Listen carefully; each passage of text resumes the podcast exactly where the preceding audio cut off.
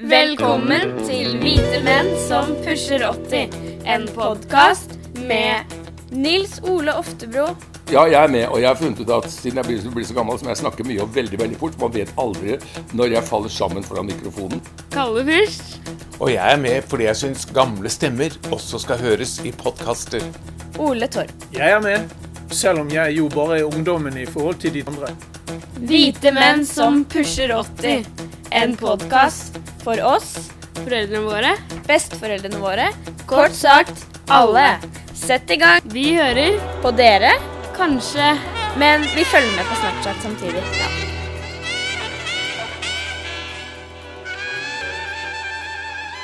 Så er det noen som finner aldri frem til Jeg tar alltid opp litt sånn.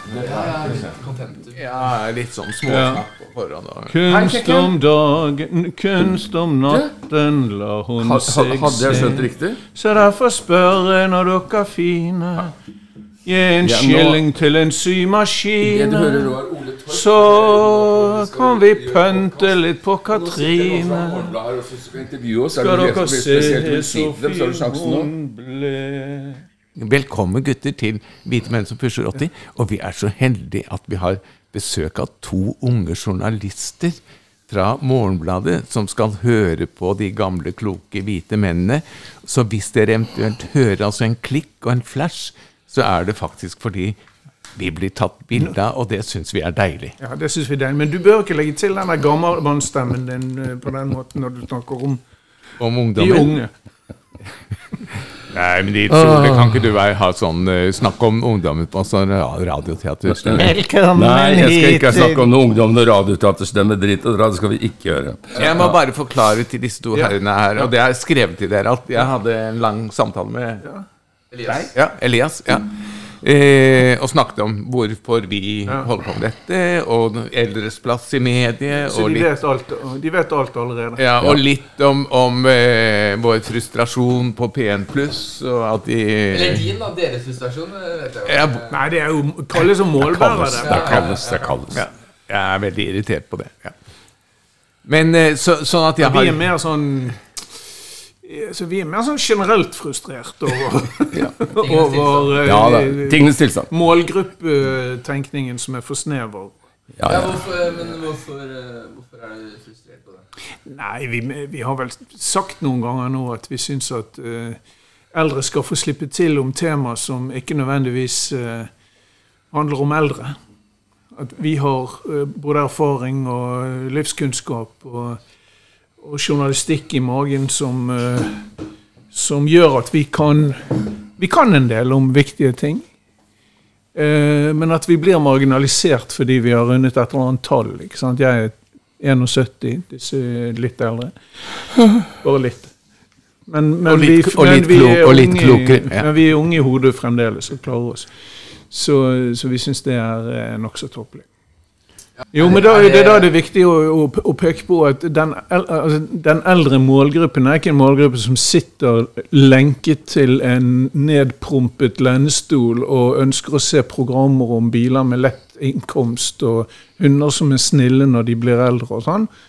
Eh, Vi er mer enn vanlig opptatt av krig og fred og tendenser i samfunnet og alt mulig, så, så vi, vi er jo ikke en sånn gruppe som lar oss gettifisere, på en måte. Vi eh, lever aktive liv og eh, interesserer oss for samfunnet og eh, føler at vi ikke slipper til med våre synspunkter, rett og slett. Og vår erfaring, ikke minst. Som er, så, så det der er jo en slags eldre, en, en slags alderisme som, som slår ut på en veldig ekkel måte.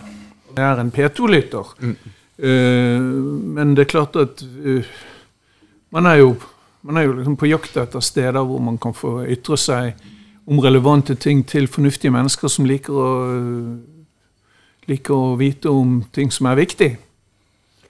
Det er klart at eh, altså, jeg, hører med glede, eller jeg hørte med glede på P1 Pluss. Eh, nå syns jeg programtilbudet er betydelig dårligere. Og det har jo noe med at de Mens NRK fikk et kutt på 2 Og jeg har sittet i toppledelsen i NRK, og jeg vet at det går an å kutte 2 uten noe særlig stor smerte, for å si det sånn. Men når de da tar jeg tror det var 40% jeg husker ikke helt, jeg vet ikke helt nøyaktig, i et program én del, og det er P1 pluss, fordi de sier vi er så trygge på at vi har de gamle, så vi trenger ikke sette inn noe ekstra på det.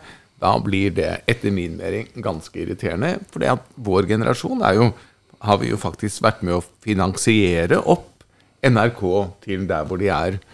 Og når de da har liksom fem P3-kanaler på ulike med, Altså innunder P3-brandingen, som nesten har 0% i oppslutning, så blir den der målgruppetenkningen til strategidivisjonen helt eh, høl i huet. Ja, Altså. og Det blir vel også et spørsmål om NRK oppfyller sine forpliktelser.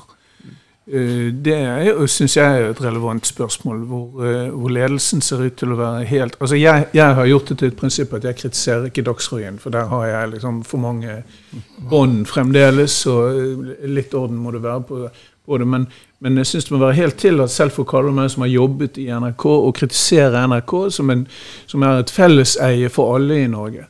Eh, Så jeg lurer bare på om toppledelsen og mellomledelsen og underledergruppene og mellomledergruppene og, og alt hva de nå holder seg med i NRK, er klar over og respekterer at de faktisk har et ansvar uh, for, det, for det oppdraget de har, nemlig at de skal nå hele folket. Uh, det begynner det etter hvert å, å være grunn til å stille spørsmål om.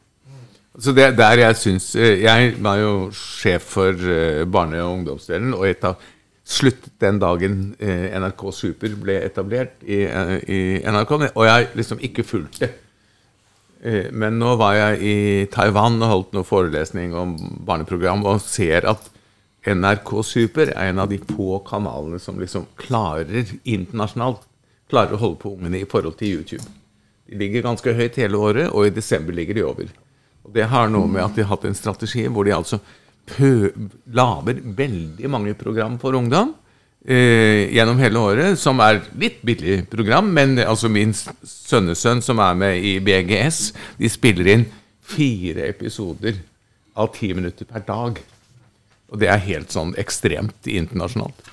Oss, Men så putter de jævlig mye ressurser inn i ett program, nemlig julekalenderne. Sånn at de har en blanding av eh, mengde og kvalitet. Og så har de liksom branding på Pantorangen og sånne ting. Så, så de, den, den, den strategien de har lagt seg på, den, er, Jeg den hatt en, og jeg har hatt en rekke viktige roller i uh, superkrim. Det vet jeg. Så jeg har jo truffet i mange segmenter gjennom årene. Ja, og så tok vi til slutt hendene i våre, hendene i våre egne hender. Ja. Og så publiserer vi det på øh, Spotify. Ja. Så, men det er klart, vi hadde jo nådd mer ut. For det at litt eldre mennesker Nå får vi, har vi faktisk ganske Vi har kvinnelige lyttere. Ja, fordi hva, hva Ja. kan dere si om eh, lyttermassen? Nei, lyttermassen er jo Vi har nådd en 10 000 stykker eller noe sånt nå i vårsesongen. Ja. Men, eh, og, og vi får jo Vi får faktisk hyggelige eh, tilbakemeldinger. Du, du fikk fra en, en kvinne som tydeligvis er fan av deg, da. En av dem. En av Ja, ja. Ja da, det, kom, det drypper inn noen sånne hyggelige tilbakemeldinger. De sier, de sier at Altså, det er mer sånn at de liker at vi lager noe for dem, da.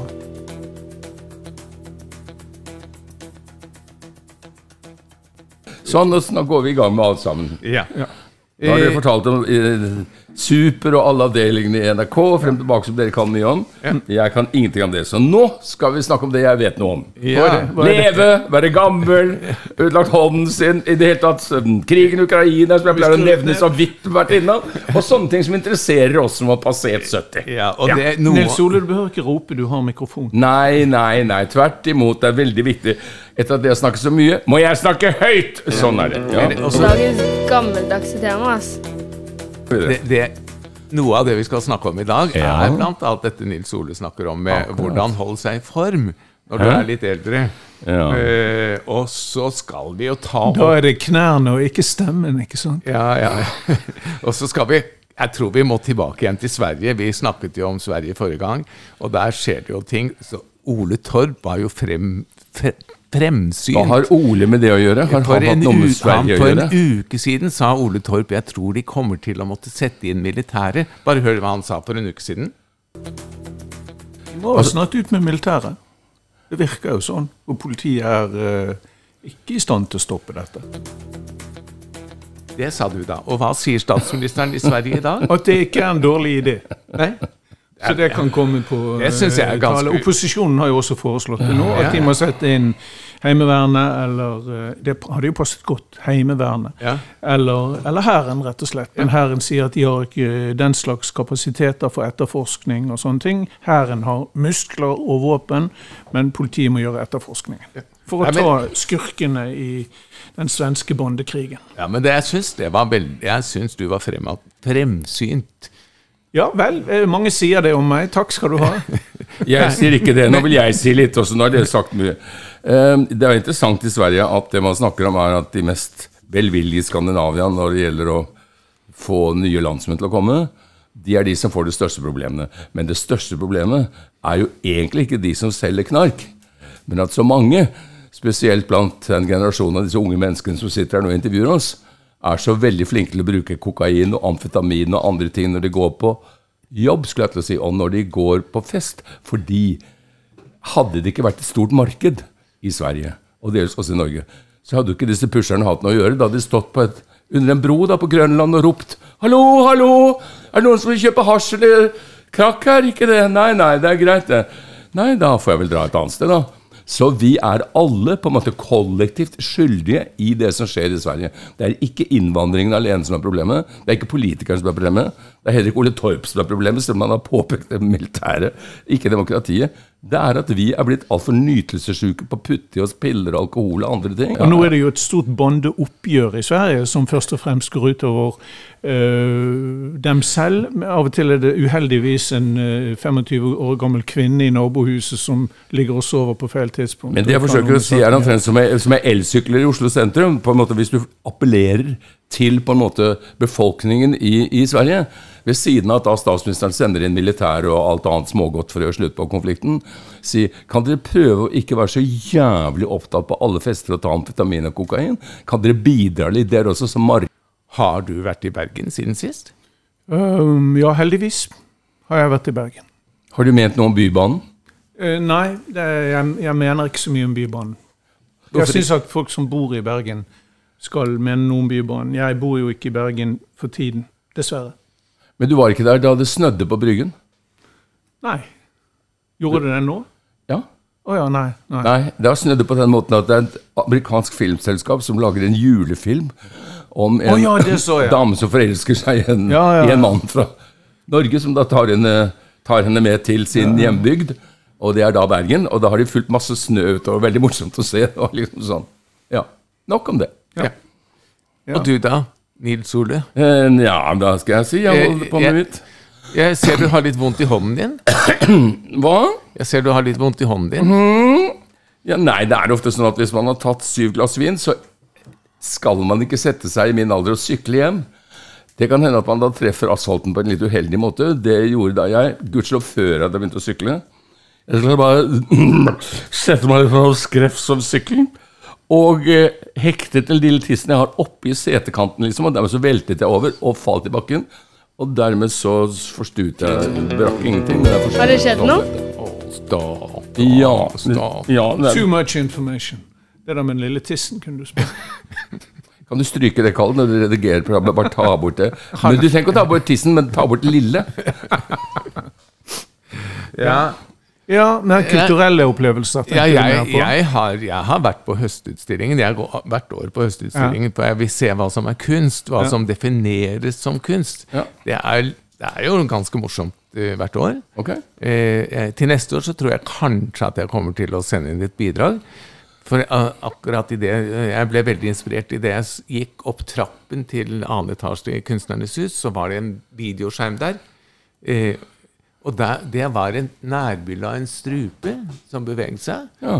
eh, Som gikk i en sløyfe på 30 sekunder. ja. De har ofte sløyfe på, er ikke det vanlig? Smoking sånn rundt. Ja, var ikke sånn, det var en videosløyfe. Oh. du.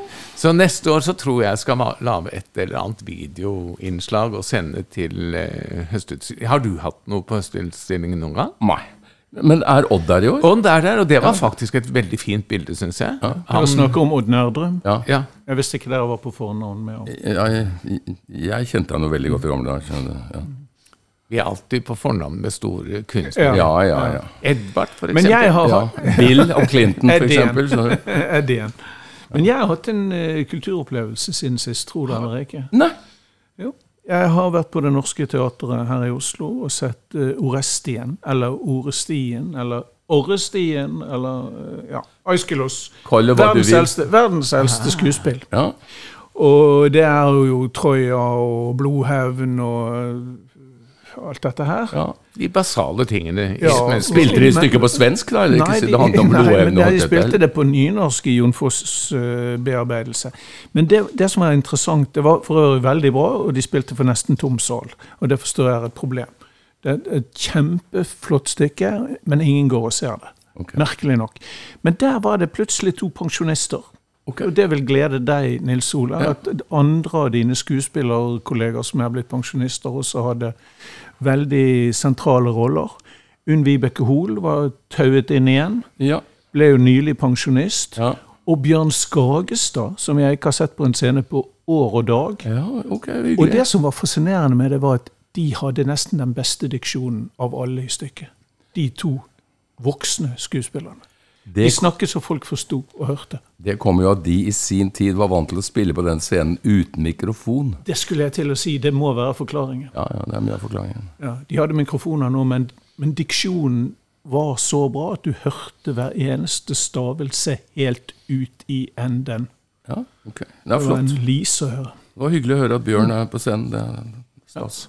Jeg har jo, jeg har jo vært Ja, han spilte kong Agamemnon, som har satt over havet med tusen skip for å hevne bortførelsen av skjønne Helene. Uff a meg, hva kvinner har påført verden. Ja, Og så kommer han jo hjem og oppdager at konen har tatt seg en elsker underveis. Skjønner du? Uttak i verdens Men kjempegodt stykke. Det er min anbefaling denne uken. Ja.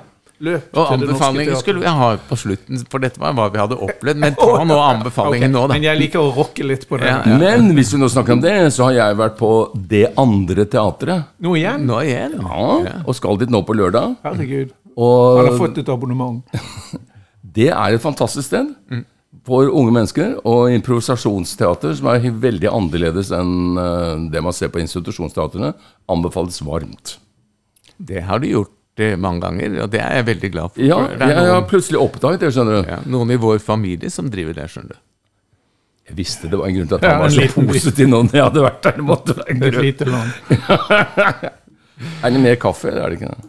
Jo, men da må jeg reise meg. Ja, det er det. Det må du. Altså. Herregud, det er klart, det kan man ikke vente midt Nei, i en men, men, men, men eh, jeg, jeg har vært jeg ble invitert av den kinesiske ambassadøren for å feire Kinas 74-årsjubileum. Så jeg, jeg var på SAS-hotellet. Men der var Putin også, var han ikke det? Putin var ikke der. så- Var ikke han der? Men han må vel feire var- Kinas 74-årsdag? det var veldig mange hyggelige mennesker som var der, som jeg kjente fra før. For jeg har vært i Kina, og Nils Ole, nei, Ole har jo også bodd i Kina. Vi bodde i Kina samtidig, så vi har litt ulikt syn på, på utviklingen i Kina. Mildt sagt. Ja, jeg syns det er fint at verdens største land på en måte tar tilbake litt av den posisjonen de hadde på 1500 og dukt, og s- inntil alle europeerne kom og, og, og ødela dem. Nå er de i ferd med å gjenoppstå, det er ikke noe rart. Jeg syns jo for så vidt at det ikke er så rart at Det er klart, Politistater med ettpartipolitikk eh, har en egen evne til å få det som de vil. Ja, Ja, snakk om Amerika, men- f.eks. Chile, Midtøsten, overalt. Dette du elsker.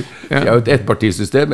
I den forstand at det er kun mennesker som har 100 millioner i inntekt og formue som kan stille til valg. Så egentlig kan du velge mellom å stemme på ingen eller stemme på, misjon, på millionærer. Det er ikke noe Jeg annet gleder meg jo til vi skal få et presidentvalg i USA.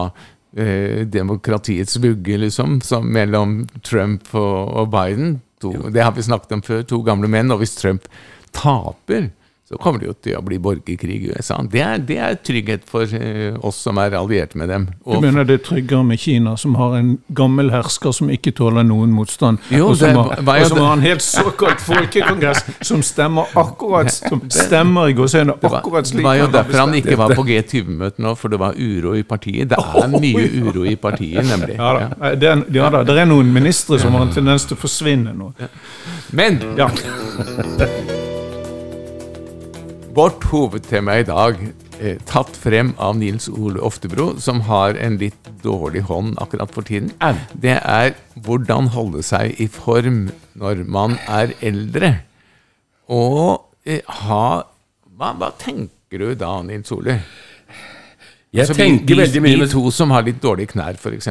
Jeg tenker veldig mye Spørsmålet er jo hva jeg gjør. Jeg prøver å sykle litt. Jeg prøver å gå trapper. Eh, Jeg prøver også å trene litt. Eh, Det er også det at når man blir litt eldre da, får litt dårligere knær, så hender det at balansen heller ikke eh, er den beste. Som jeg da er kanskje en av grunnene til denne hånden. Kanskje det ikke er alkoholen, men balansen.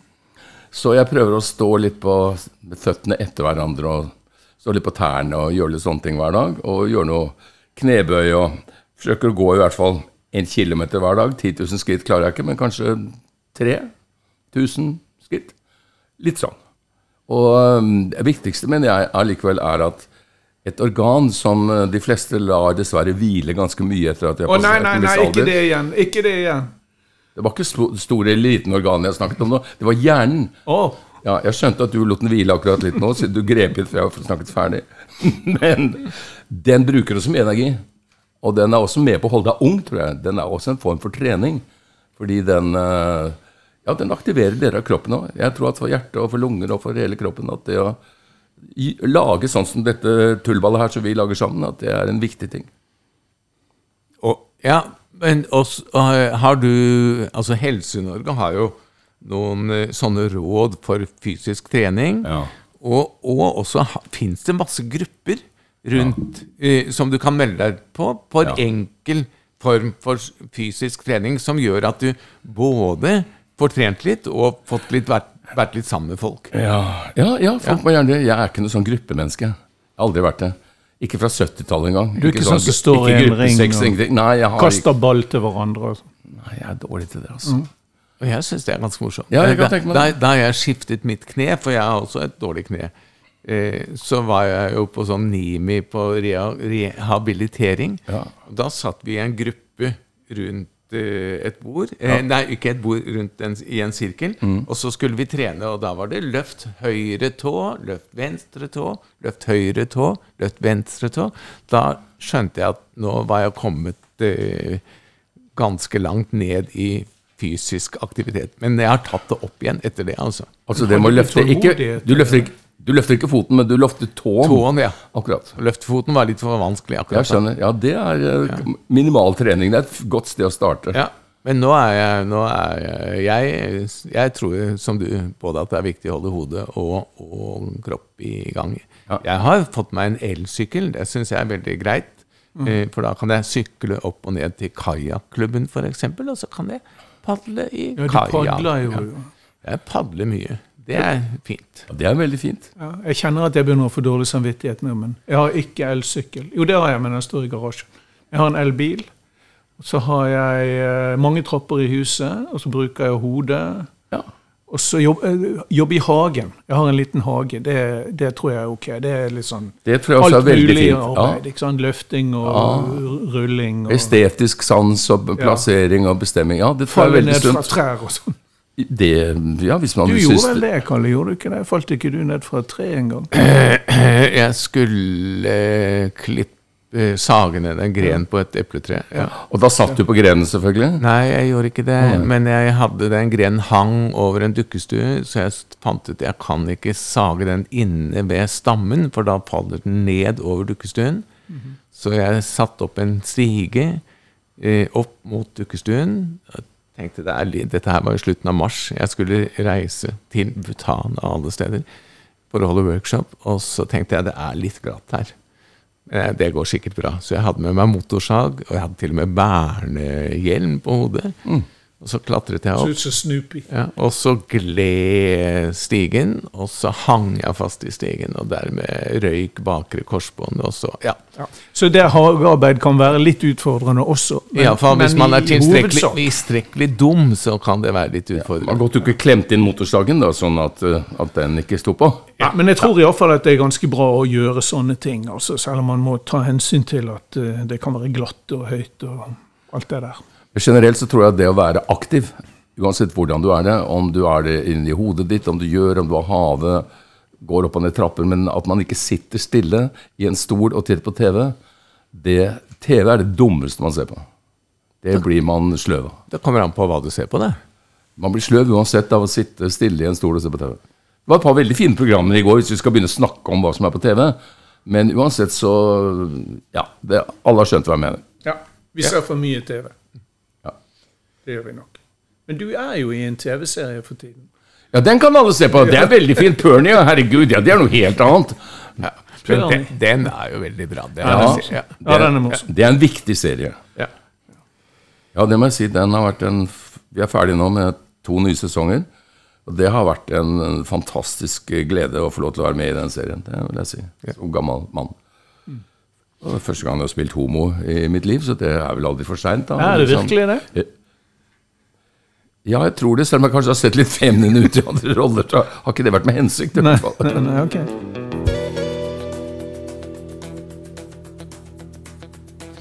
Men dere, vi tenkte vi skulle fortsette den politiske Som et undertema ha litt om den politiske thrilleren her i Norge. Som foregår nå. Sånn at Sleipe-Erna ikke skal slippe unna. Du, jeg har tenkt et spørsmål til deg, eh, Ole, som liksom er journalist. Hvis du skulle vært spinndoktor i Høyre, ville du lagt opp om Jeg syns jo de har vært veldig flinke til å spinne og spinne og spinne og spinne. Ja. ja. Bortsett fra at det virker jo som om veldig mange ja, kanskje har slått andre veien også, og gjort mange journalister ekstra eh, mistenksomme. Ja, eh, journalister, ja. Ja. Men eh, hva Men med sånn folk? der ute eh, har jo Erna fremdeles en, eh, en stjerne, skjønner jeg. Men det er jo mange Det var vel en undersøkelse nå som mener at Høyre har brukt Høyre og Erna og hele, hele balletten har brukt for mye tid på å legge frem disse listene til Sindre Finnes. De stoler ikke, folket stoler ikke helt på tidslinjene her. Det er jo alvorlig hvis det blir sittende. Ja, og, og det jeg tenker på, dette kom jo i tillegg til alle de andre politiske tingene, eh, skandalene vi har hatt. Alt fra pendlerboliger til Du mener generelt i det politiske gen- bildet? Ja. Generelt i det politiske bildet. Det jeg eh, har sett noen, noen innspill om nå, og som jeg syns er interessant, det er at jeg, jeg er litt sånn skeptisk til så- de som bare har drevet med politikk hele livet.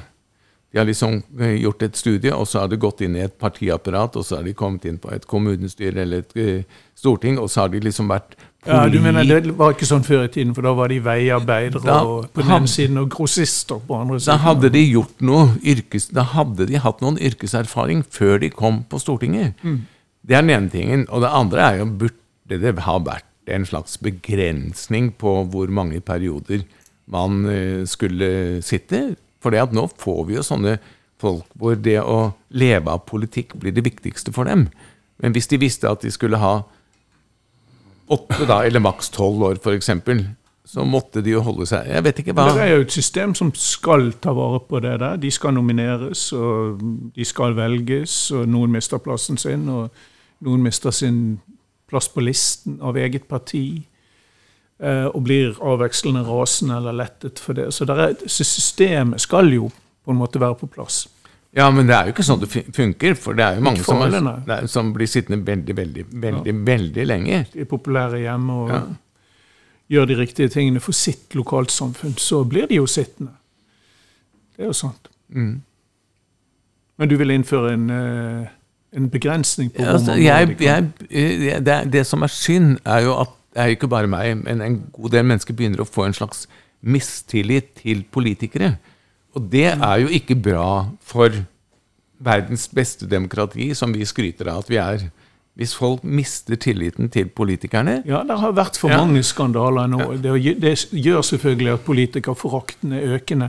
Men hvis du innfører eh, en tidsbegrensning, så vil du jo risikere at folk i en eller annen bydel i Ålesund eller Sarpsborg sier at ja, men vi vil gjerne stemme på denne politikeren, for han eller hun er vår, og han eller hun gjør mye godt for vår by, og vi stoler på at det han eller hun bestemmer og stemmer for, er det som gagner vårt samfunn.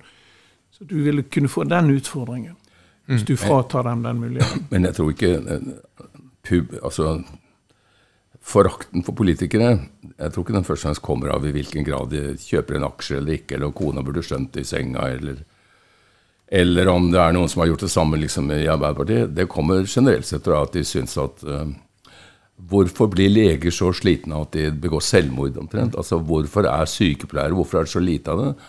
Hvorfor i det rikeste landet i verden har vi så dårlig råd til alle de tingene som politikere skulle sørge for at vi har god råd til? Og så spørs det hva bruker vi egentlig pengene til? Akkurat nå er det vel å produsere våpen og forsterke Forsvaret 100 slik at vi bruker mange milliarder kroner mer på forsvar, som kunne vært brukt til sykepleiere og til andre ting. Og så er jo om folk syns det er et klokt valg, da. Det er jo ikke sikkert at alle er helt enig i at Russlands enorme drøm er å ta hele Europa. Hva faen de skal med Europa, begriper jo ikke jeg. Skal de få en masse millioner av sure mennesker som ikke ville hatt noe med dem å gjøre i det hele tatt? Da utplassere politiet liksom i Frankrike, Tyskland De har aldri hatt noe forhold til dem som de har til Ukraina. Så jeg synes at Det er den største konspirasjonsteorien som noen politikere, styrt av Jens Stoltenberg, har klart å produsere i løpet av de siste ti årene. Mye verre enn absolutt alle konspirasjonsteorier jeg har hørt. For den påvirker oss med enorme penger vi sender ut av landet, med masse vi skal bruke på forsvar. Og det er ikke til å komme forbi at de pengene kunne vært brukt på andre ting. Men hvis og jeg går tror det er grunnen til at mange føler forakt for politikerne. De tenker er det, er det sånn, liksom? Må vi bruke penga til det der? Kunne ikke sykepleierne Ja, men hvis du, går til, hvis du går tilbake til det du begynte med før du begynte på ditt yndlingstema om Putin og, Jeg har ikke og- og ord om Putin. Russland, Jeg har ikke sagt et så var, vel, så var det vel den problemstillingen med satser vi nok på leger og sykepleiere og eldre, eldreomsorg og helse eh, i gang lenge før den krigen. Eh, Det, det har vært et problem i mange år, og der tror jeg uh, kanskje du har rett.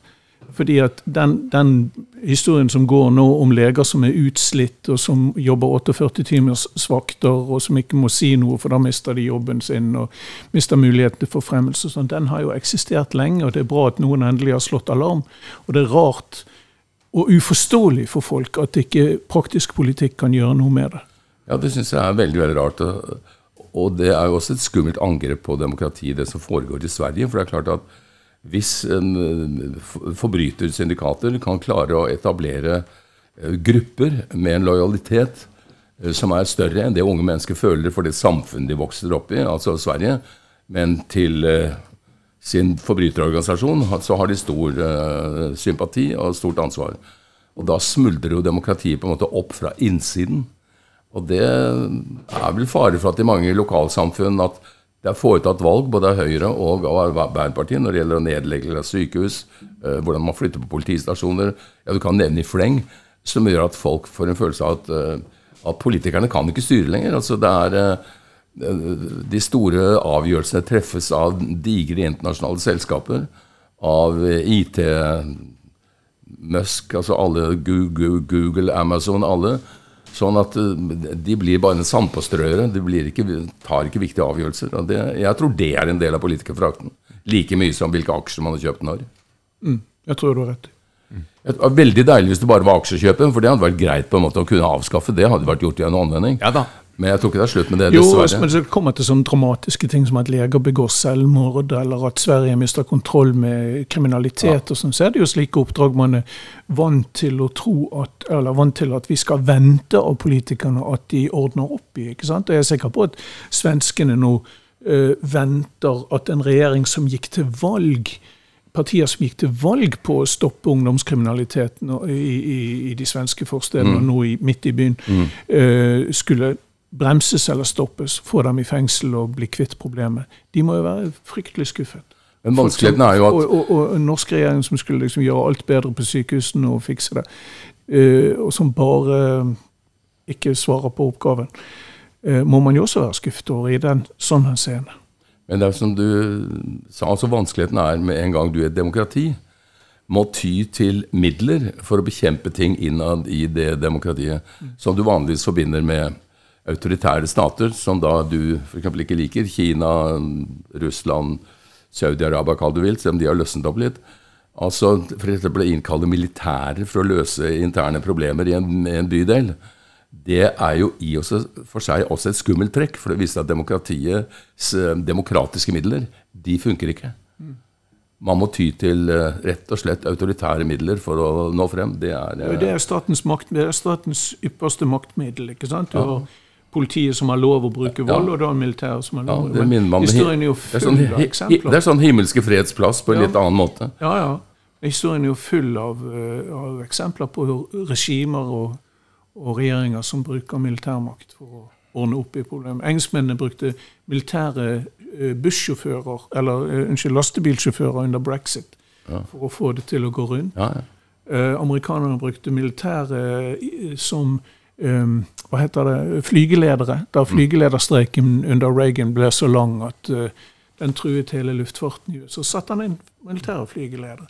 Så historien er jo full av uh, Men i Sverige tror jeg kanskje etter hvert at det er blitt så dramatisk at folk ville forstå det.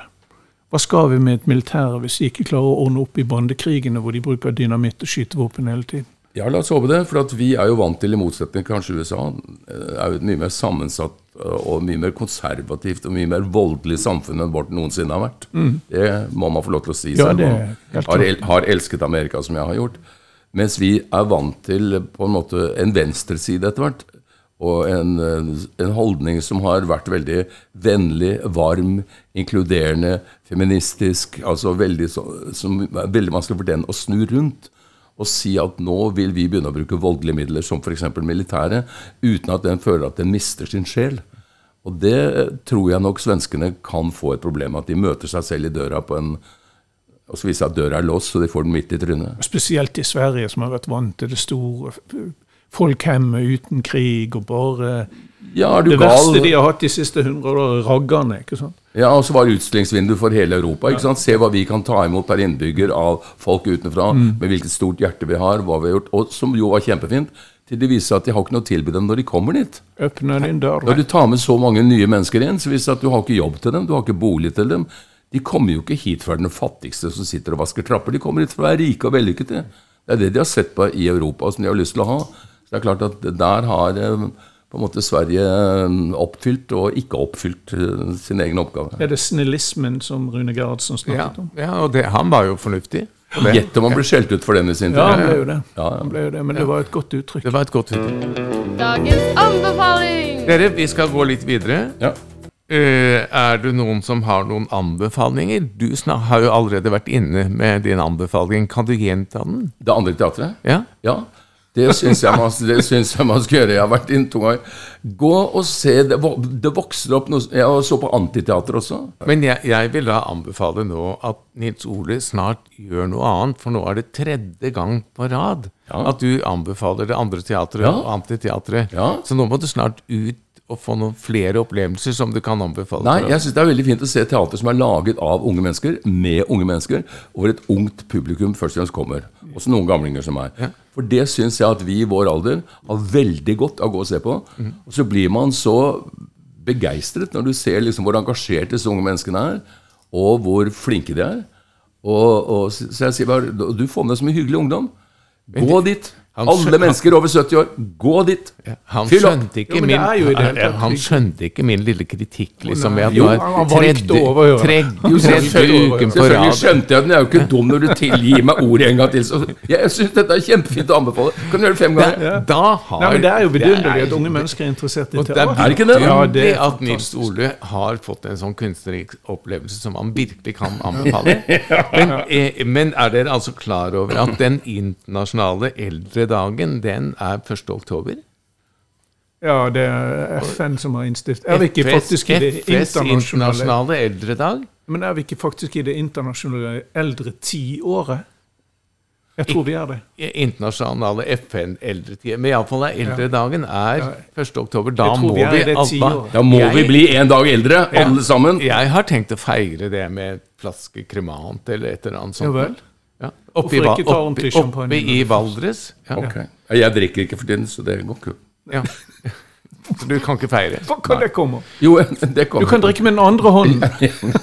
Du kan drikke Nei, med den andre hånden. jeg liksom. fant plutselig ut at kanskje du, kjære Oftebro, at du nå får en påminnelse om at du skal ta det litt rolig. Det Han falt ofte ut av det. Ja, ofte falt. Ja. Men hva skal vi feire på den eh, Nei, altså, oktober? egentlig er det liksom menneskerettigheter og uh, sånt noe som for, altså, menneskerettigheter for- for eldre, Ja, ja. ja. Og det er viktig. Ja, det er viktig. Ja, det er viktig. Det er viktig. Det er viktig. Har, har du noen anbefalinger da? Jeg tror jeg nevnte Orestien i, i begynnelsen av denne samtalen. Bare ta den en gang til. Orestien. Ja, bare, På Det Norske Teatret. Og det stien, sier Nå du. føler jeg Orestien Ja, da ble det litt sånn Orrestien. Nei, det tenker ikke jeg. Det er mellom Nei, nå hører du dårlig. Det er en forskjell på de to trykkene. Uh, ja, det går på Det Norske Teatret, og uh, det handler om Troja-krigene og blodskam og blodhevn og alt grekerne interesserte seg for. Ja. Men det har en slags eh, parallellitet og aktualitet til i dag, hvor eh, det er mye æresdrap i noen miljøer og slike ting. Så det er vel det de setter fingeren på, samt eh, betydningen eller det meningsløse av krig Ja. er også tatt opp. Og eh, det er gode skuespillere. Og som jeg sa, Bjørn Skagestad Unn Vibeke Hoel har kanskje forestillingens klareste diksjon. Hvilket er eh, aktuelt for de fleste av oss. Ikke bare, og ikke bare de gamle. Det er deilig å høre skuespillere som klarer å uttale alle ord slik at alle forstår det. Men det var en veldig god forestilling. Dessverre spiller de den for uh, halvtomme saler. Det er uforståelig. men... Nei, men det er jo altså, Det snakket vi Og om Gjertrud forrige- Gynge er kjempegod. Ja, ja, Hun er ikke så gammel. ja, ja. Ja, hun er alltid god. Kjempe... Ja, hun er veldig god. Men, men det var jo noe av det vi snakket om sist. Liksom, altså med, med begrensninger i økonomien så går det jo utover hva folk har å bruke på kulturtilbud. Ja, Noen dropper teater, andre dropper tannlegen. og sånn. Det Ja. er litt forskjellige. Og, men jeg, jeg spanderte altså på meg en billett på Høstutstillingen. Ja, Og en tur til Kina. Nei, en kinesisk ambassade, oh, ja. ikke til Kina. Det var en smøringshistorie. Ja, selvfølgelig. Selvfølgelig. Unnskyld, det er klart det. Nei, Ellers gjelder det vel å lese bøker og være oppdatert på om norske bokhøsten og alt det der som vi liker å tro at vi er. Vi blir aldri oppdatert på, på bokhøsten. Det syns jeg er en frustrasjon. Men du kan noen som leser en bok jeg har tenkt at åh, den må jeg få med meg. Og så kommer det en i veien, og så kommer det en jobb, og så Nå har jeg lest inn tre lydbøker. Ja, du leser inn. Ja, blant annet en om svenske tilstander i Norge. Ja. Som handler om Holmlia, Mortensrud, forbindelser med og forgreninger inn til eh, Balkan, til eh, ja, alt det som nå står om i nyhetene i Sverige. Det handler den boka om. ja. Hva heter den? Den heter 'Svenske tilstander i Norge'. Svenske tilstander. Og, og eh, det er en meget interessant bok. Ja. For den går mer i dybden enn vi klarer i noe sånt program som dette her, eller også i vanlige um, program i, i, i NRK. Og det er en, da, en tidligere Dagbladet-journalist som har reist rundt og vært spesialist på slike ting i årevis, som nå har spesialisert seg på liksom, gjengsituasjonen i, i, i Norge, og skrevet denne boken. Det er en bok man absolutt burde få med seg. Men eh, det hørtes eh, Jeg liker jo faktisk å høre bøker på, som, på lyd, som lydbøker, ja. Ja.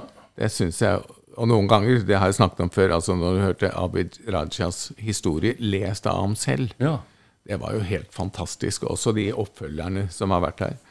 Eh, Det ga en helt egen dimensjon til det. Eh, Ikke det for du er flink til å lese, Nils Ole, men eh, Er det Nils Ole? Ja, du er det, Nils Ole. Jo, men det er klart ja, at når en, når en mann forteller om sin skjebne, Ja. og selv også er god til å lese, så er det klart det gir det en egen dimensjon. At det er hans stemme som forteller hans historie. Sier seg selv. Men det er viktig ellers at profesjonelle skuespillere leser lydbøker. Også. Ja, ja. For det, jeg har hørt lydbøker som er så kjedelige at du kan daue. Ja, Det er veldig opp og ned hvor gode forfattere er til å lese. Noen er gode, og bør absolutt da gjøre det selv. Det bør være en første Mm. Eller hvis de har en kjent stemme. eller- Ja, ja, noe sånt. Ja. Noe sånt. Skjer det noe i alderdommen? Er det noen som skal ha noe spennende til neste gang? Vet dere hva jeg skal i dag, f.eks.? tipper du skal opp i fjellet igjen, eller noe sånt. Jeg skal til Valdres, og så skal jeg For der skal vi ha dugnad i Hytteforeningen. Og jeg ble av alle mulige ting valgt formann i Kruk hytteforening. Hva kalte du det? Hva kalte du det? Kruk, Ja, det er veldig viktig å ha med den R-en. Kruk hytteforening. ja. Så vi skal ha dugnad nå denne helgen. Mm. Og da skal vi hugge merke stier og rydde trær unna løypene. Kjære lytter, hvis dette er første gang du er inne, så er det slik at Kalle hver uke skal til Valdres. Slik er det. Og hvis du har ikke vært inne her, så er det også sånn at hver helg så skal Ole Torp til Bergen. Den, Heldige meg. ja, Og hvis du ikke har vært inne før, så pleier Nils Ole å reise til Kanariøyene i oktober-november. men det er tross alt bare den på ikke hele året. året. Nei, nei, nei, nei. Men jeg pleier å si noe om krigen i Afghanistan. Det skal jeg nå la være. Den er over. Stopp den krigen. I Afghanistan? Den er over, Nils Ole. Ja, ikke det vi snakker om? Oi, du mener Ukraina? Å ja, nei, det har jeg snakket om så mye, og det vil jeg helst ikke snakke om i det hele tatt. Jeg prøvde Ja, å gå på en helt annen krig, for at ingen skulle assosiere til den og den krigen i det hele tatt. Selvfølgelig. Åh, så feil kan man ta, altså. Uff a meg. har du en god historie? Det det har jeg sikkert. Ja. Um, Altså ikke din historie, men en god historie. Ja, jeg vet ikke om det er en god historie. Nå begynner jeg vilt å tenke bakover. Kan det være noen god historie? Jeg vet ikke om dette er en god historie, det er i hvert fall en skildring om noe som er forskjellig fra i dag. Da jeg var liten gutt eh, på 50-tallet, så hadde vi jo ikke frukt hele året sånn som jeg har nå. Da tok vi eplene ned fra trærne så la vi dem på hyller som at ingen måtte ligge oppå hverandre. Så varte det litt til jul. Da begynte det å bli skrukkete. Men til jul så kom appelsinen. Og jeg kan huske at jeg står i sånn kø i sånn snøslaps midt i Sarpsborg sentrum, hvor de hadde en sånn grønnsakbutikk som også solgte frukt. Og da var appelsinene kommet. Og hver gang døren gikk oppe litt sånn foran der, så kom noen ut. Og da kom lukten av appelsin til alle oss som sto med mammaene våre og ventet. Så kom vi inn i butikken, og så sa min mor jeg skal ha mm, tre kilo av eh, de appelsinene der Tre kilo! for eksempel. Og så sa betjentene samme Beklager, du kan ikke få så mye som tre kilo, for det er, veldig mange som vil ha det. Så det får du ikke. Jeg tror vi fikk to, jeg husker ikke. Men det jeg husker, var at alle appelsinene var pakket inn i papir. Så mykt, mykt papir. Og på det papiret så er det printet forskjellige sånne motiver med Don Quijote og vindmøller, og det var appelsiner som hang i trær, og spanske flagg og alt mulig. Og gullkant. Og de har brettet de sånn utrolig pent ut. Vi kunne fortsette å stryke de sånn og så limte vi det inn i bøker. Og så byttet vi, akkurat som folk byttet frimerker, så byttet vi appelsinmerker. Derfor husker jeg veldig godt appelsin til jul. Det er noe veldig trist ved at vi kan få kjøpt alt hele året. Det blir ikke noe spesielt. i alle fall. Jeg husker jo jeg var med Min far han var profesjonell julenisse. Ja. Så i, i rundt juletid, altså etter jul, så var jeg med far som assisterende julenisse. Og da delte vi jo ut disse her eh, posene. Og da var jo appelsinen noe helt uh, fantastisk å få i de posene som de fikk når det var på juletrefest. Og jeg var jo heldig, for jeg fikk jo da mange poser i løpet av en uh, januar, for jeg var på så mange juletrefester. Så det, minner fra barndommen er vel det. Og men, Minner fordommer blir bedre og bedre jo Ja. eldre man blir. Men nå fikk jeg en litt sånn rar skal- følelse av at vi var på vei inn i julesendingen her. og det er litt Nei, nå, bare, nå er vi på vei ut av denne sendingen, og da tenkte jeg kanskje, siden vi kom inn på appelsiner og julenisse og faren min, at jeg skulle avslutte denne podkasten med å spille en av min fars gamle låter. For han ga jo ut 100 sånne lakkplater. Og en av de fineste, som altså ligger ute på YouTube under norsk jazz, den heter Honolulu. Så denne gangen så går vi ut med Kaldefyrst Senior som synger Honolulu. Og vi møtes igjen om ca. en uke.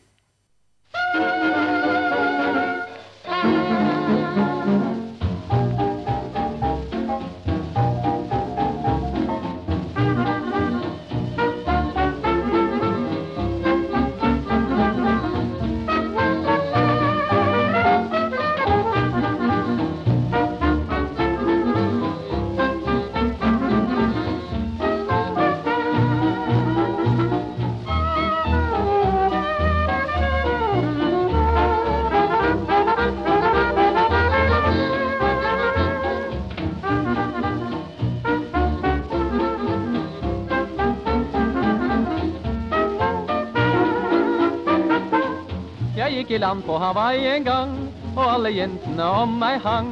Og jeg tok sikte på en jeg likte, til henne sang jeg min sang. Honolulululu, jeg ser deg lille høla høle, og ber deg honolulululu, vil du bli min? Elskende på stranden, vi sitter tett inntil annen og skriver våre navn i sanden med kinn mot kinn. Se palmer svaier, hører du vulkanens drønn? Lille blomst fra Hawaii, vil du høre på denne min bønn? Honolulululu, jeg ser deg lille høle høle, og ber deg honolulululu, vil du bli min?